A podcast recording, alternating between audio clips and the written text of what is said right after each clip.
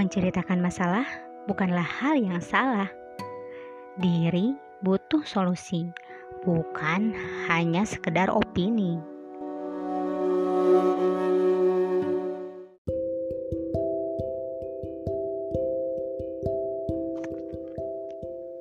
Assalamualaikum warahmatullahi wabarakatuh. Selamat malam. Karena podcast ini direkam malam-malam dan kebetulan sekarang malam minggu, aku bakalan sapa kalian.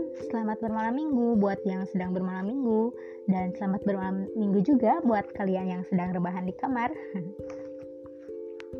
Oke, sebelumnya aku akan kenalan dulu ya. Nama aku Bila.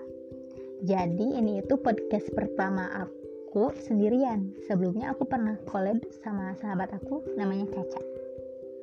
Kenapa aku bikin podcast ini? Ini adalah bentuk hadiah aku buat Caca sahabat paling baik dalam aku. Karena aku akan menceritakan tentang ceritanya Caca. Jadi hari ini aku sangat terkejut banget. Ada chat dari Caca. Sahabat aku orang yang membuat aku yakin akan mimpi-mimpi aku orang yang membuat aku bangkit dan mampu berdiri tegak di hadapan semua orang yang pernah merendahkan aku. Dia orang yang sangat bersemangat sekali dalam hal apa pun.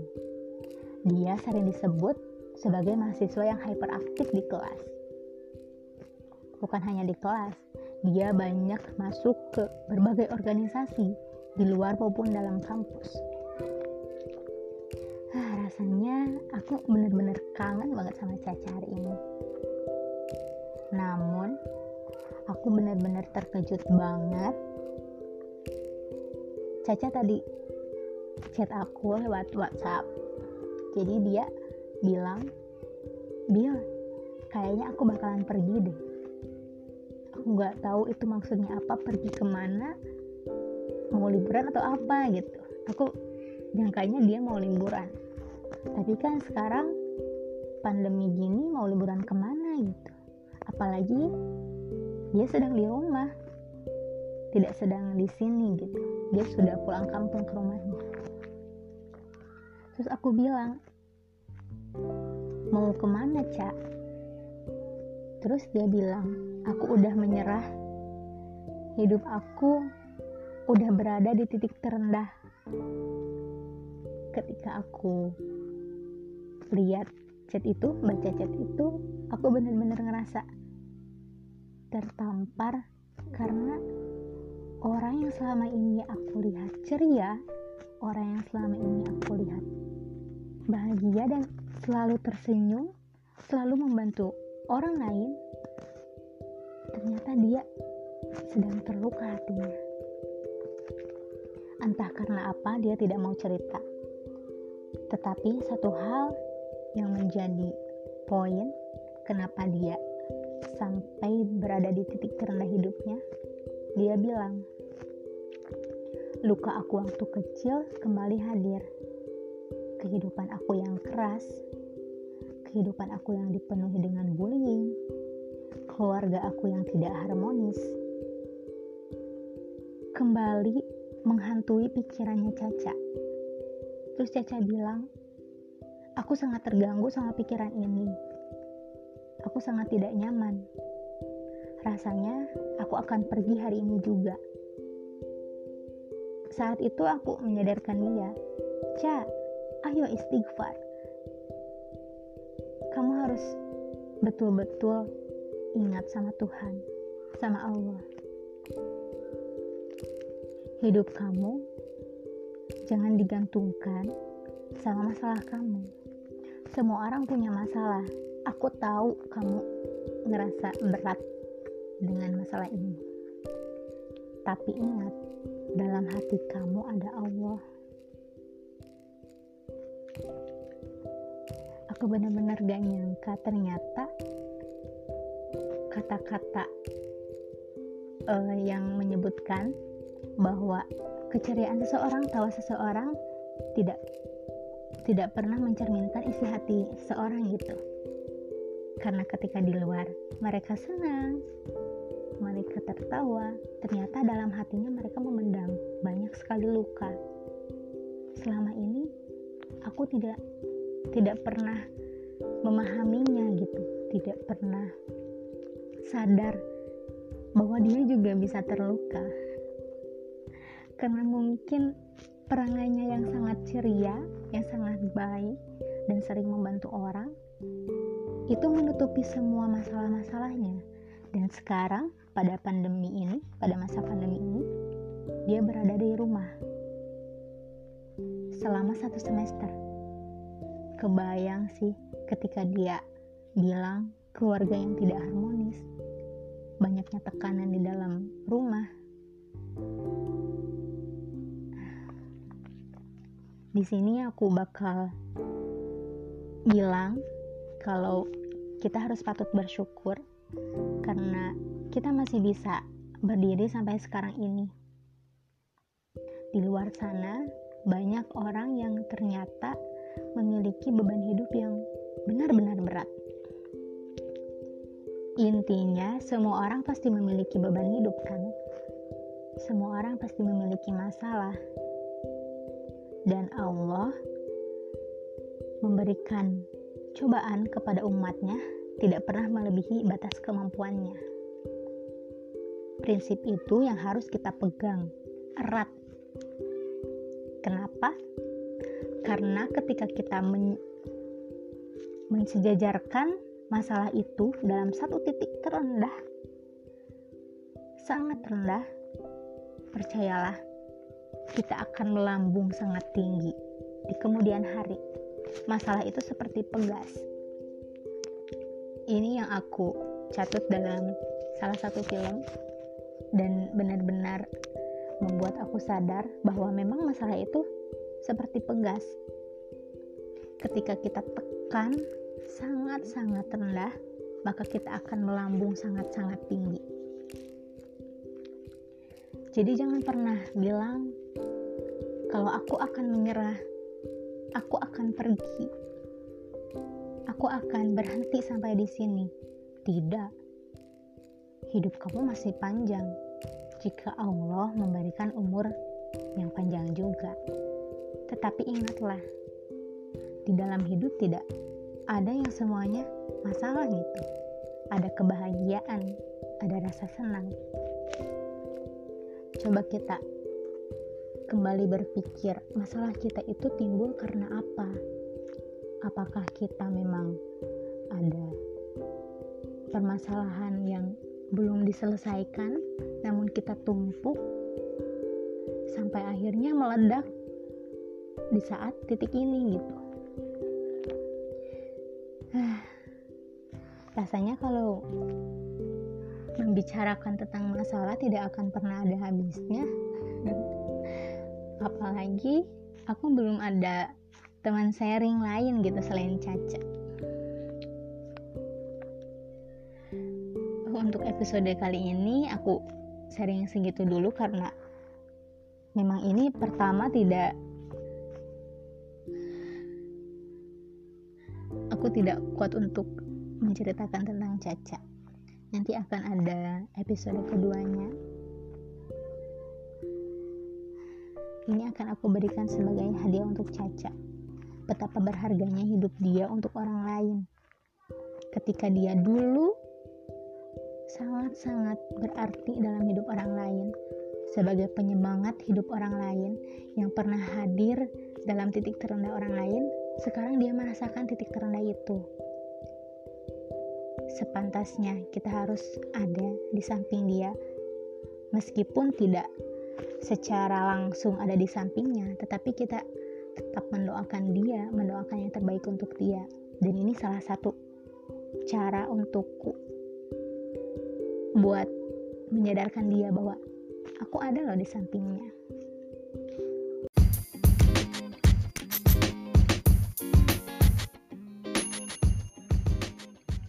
Assalamualaikum warahmatullahi wabarakatuh Sebelumnya aku mau minta maaf karena podcast kemarin ada kata yang kurang tepat untuk diucapkan Maka dari itu aku meminta maaf yang sebesar-besarnya ya Selamat mendengarkan podcast selanjutnya. Terima kasih. Wassalamualaikum warahmatullahi wabarakatuh.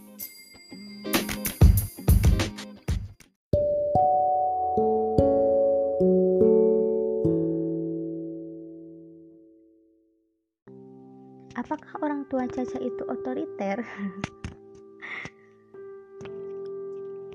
Oke, iya, jawabannya iya. Orang tua otoriter itu seperti apa sih? Orang tua otoriter adalah orang tua yang memaksakan kehendak anaknya. Simpelnya seperti itu. Orang tua yang memegang kendali anaknya gitu. Mereka tidak pernah mempercayakan tanggung jawab pilihannya kepada anaknya.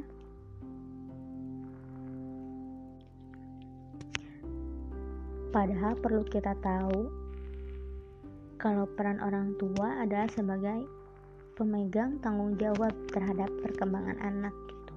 Bukan pemegang kekuasaan. Pola asuh otoriter itu semacam pendidikan tentara Kalian tahu kan pendidikan tentara seperti apa? Mereka memang harus diwajibkan untuk turut pada semua perintah yang diperintah gitu oleh komandannya. Ketika mereka disuruh untuk berdiri, ya mereka harus berdiri. Mereka disuruh untuk merangkak, mereka harus merangkak. Dan orang tua tidak sepantasnya seperti itu.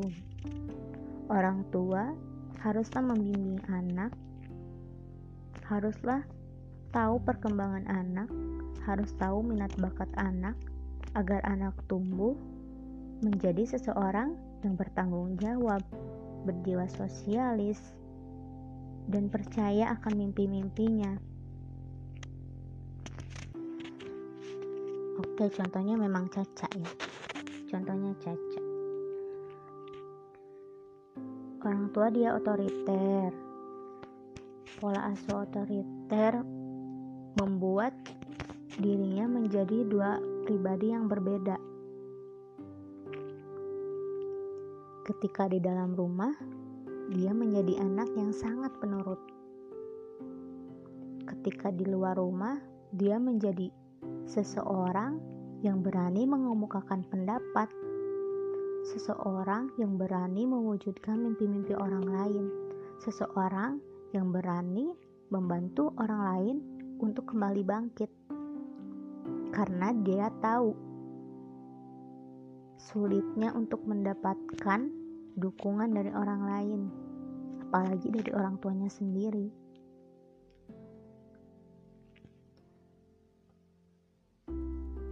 Aku memang gak terlalu sadar sih. Sama sekali gak sadar dengan keadaan ini.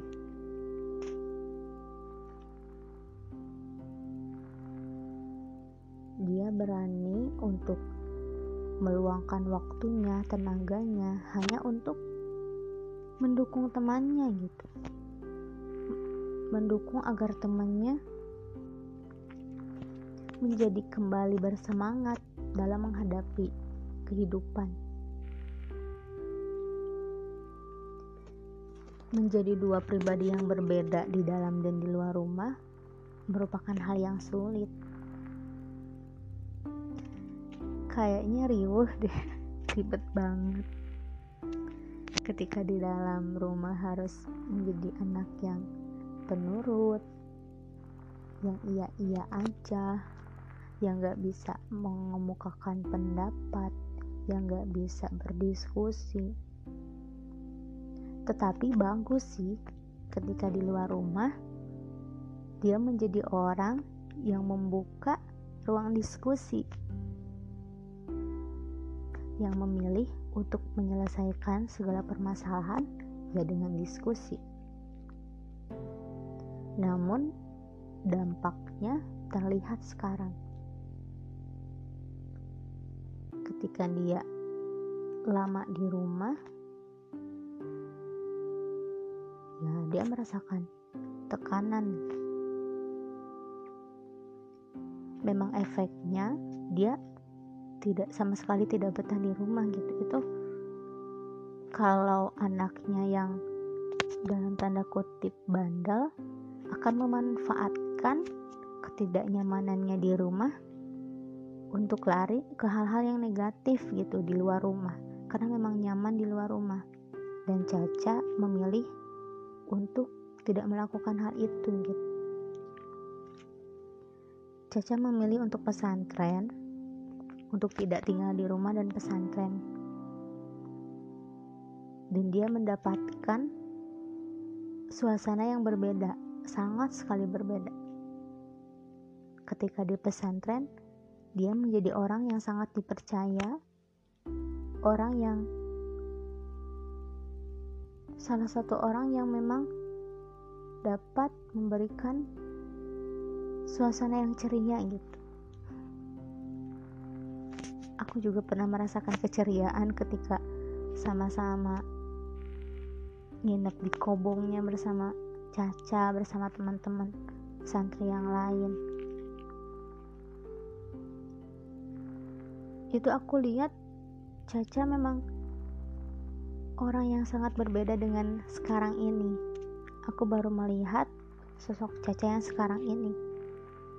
Padahal sebenarnya memang Caca seperti ini gitu. Caca bukanlah seperti orang yang selama ini aku kenal. Orang yang bersemangat. Caca merupakan orang yang dalam dirinya tersimpan jiwa yang lain, jiwa yang penuh dengan tekanan, jiwa yang menyimpan banyak masalah, beribu-ribu masalah. Hebatnya, dia tidak pernah memperlihatkan masalah itu di depan orang banyak. Dia berusaha untuk ceria, untuk tersenyum, untuk cingkrak-cingkrakan. Dari kelakuannya itu, kita tidak pernah sadar kalau Caca menyimpan banyak luka.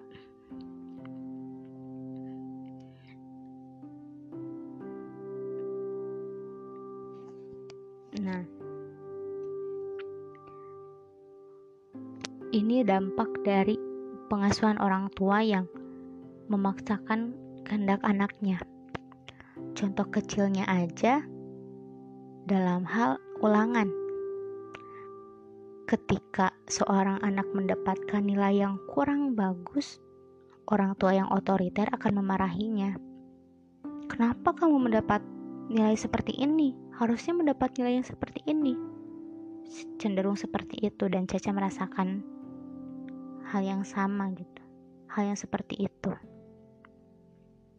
Caca dituntut untuk mendapatkan nilai yang bagus. Malah ketika di kampus dia mendapatkan nilai B dia bener-bener panik gitu. Aku harus dapat nilai A. Itu bener-bener lucu banget karena dia sedih dapat nilai B yang cuma dua nilai B. Sedangkan aku nilainya hampir semuanya B. Malah mendapat A nya cuma dua kebalikannya dari dia. Dia benar-benar khawatir orang tuanya akan kecewa. Terus aku bilang bilang aja gitu karena sistem penilaiannya yang ngesal aja gitu. Dan emang emang ada salah satu nilai yang memang semuanya sama B. Dan Caca nilai B-nya itu ya karena nilai rata semuanya bukan karena dia tidak mampu karena memang dua matkul itu semuanya dikasih B. Tidak ada yang A.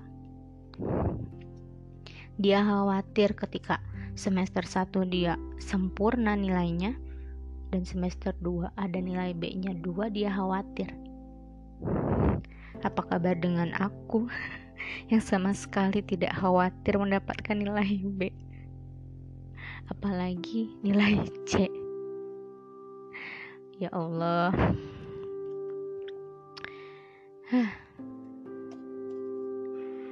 Ini sih menjadi pelajaran ya untuk kita. Untuk kita sebagai orang tua di masa depan, kalau kita tidak boleh menjadi orang tua yang otoriter, orang tua yang memaksakan kehendak anaknya.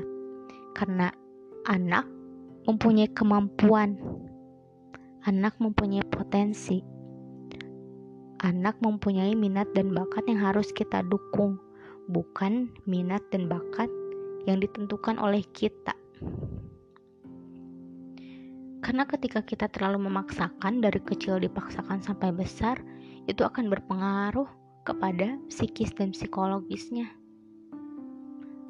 Dia cenderung akan tumbuh menjadi orang yang tidak percaya diri, orang yang murung, orang yang lebih nyaman untuk memendam semua masalahnya. Itu sangat sangat tidak tidak bagus gitu terhadap kesehatan mentalnya, jiwanya. Dan perlu ditekankan lagi, kita juga harus jadi orang tua yang menanamkan nilai-nilai rohani dalam jiwa anak. Ketika anak mempunyai tekanan, ya anak akan cenderung kembali kepada Tuhannya gitu, untuk berserah kepada Tuhannya, berdoa, tidak putus asa, tidak menyerah, apalagi apalagi ingin mengakhiri hidup gitu dengan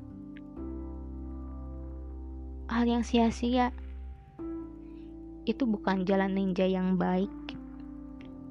Itu benar-benar jalan yang jalan yang buruk gitu. Tidak untuk dicontoh. Ya intinya dari pelajaran ini, dari kisah Caca ini kita harus memetik pelajaran bahwa menceritakan masalah bukanlah hal yang salah gitu. Karena diri butuh solusi, bukan hanya sekedar opini. Moto aku dibawa-bawa, gak apa-apa lah ya. Jadi memang diri butuh solusi, bukan hanya sekedar opini karena terkadang ketika kita menceritakan masalah yang kita dapati hanyalah opini pendapat, bukan solusi. Karena ketika kita hanya mendapatkan opini seseorang, ya masalah kita belum terselesaikan. Hanya saja kita memang diberikan opsi. Opini itu sebagai opsi kita mau ngambil solusi yang mana nih. Tetapi ketika kita terlalu tertekan, kita tidak punya waktu untuk memilih solusi kan. Kita harus diberikan solusi secara langsung gitu. Kamu harusnya seperti ini, kamu harusnya seperti itu, tidak hanya oh, seperti ini. Banyak loh kasus yang seperti ini mereka begini begini begini mereka begini begini begini bukan seperti itu dan sedikitnya ya semoga podcast ini menjadi solusi untuk Caca bahwa Caca harus tetap semangat harus menjadi orang yang kuat harus menjadi jiwa Caca yang kita kenal, bukan jiwa Caca yang dikenal di lingkungan keluarganya. Bukan merendahkan dan bukan meremehkan loh. Karena memang memilih ketika kita mempunyai dua jiwa bukan bukan berarti kita mempunyai dua kepribadian ya. Ketika kita mempunyai dua sikap yang berbeda di dalam dan di luar, ya kita harus memilih sikap mana yang akan kita ambil gitu karena dengan memilih kita akan tahu orang tua kita apakah akan bangga dengan jalan yang kita pilih sendiri gitu. Oke. Okay. Untuk episode Caca sampai di sini aja ya. Karena membicarakan soal Caca tidak tidak akan cukup hanya dalam beberapa menit saja dan ini udah udah lama banget aku ngomong, hm, maaf ya, jangan bosan-bosan.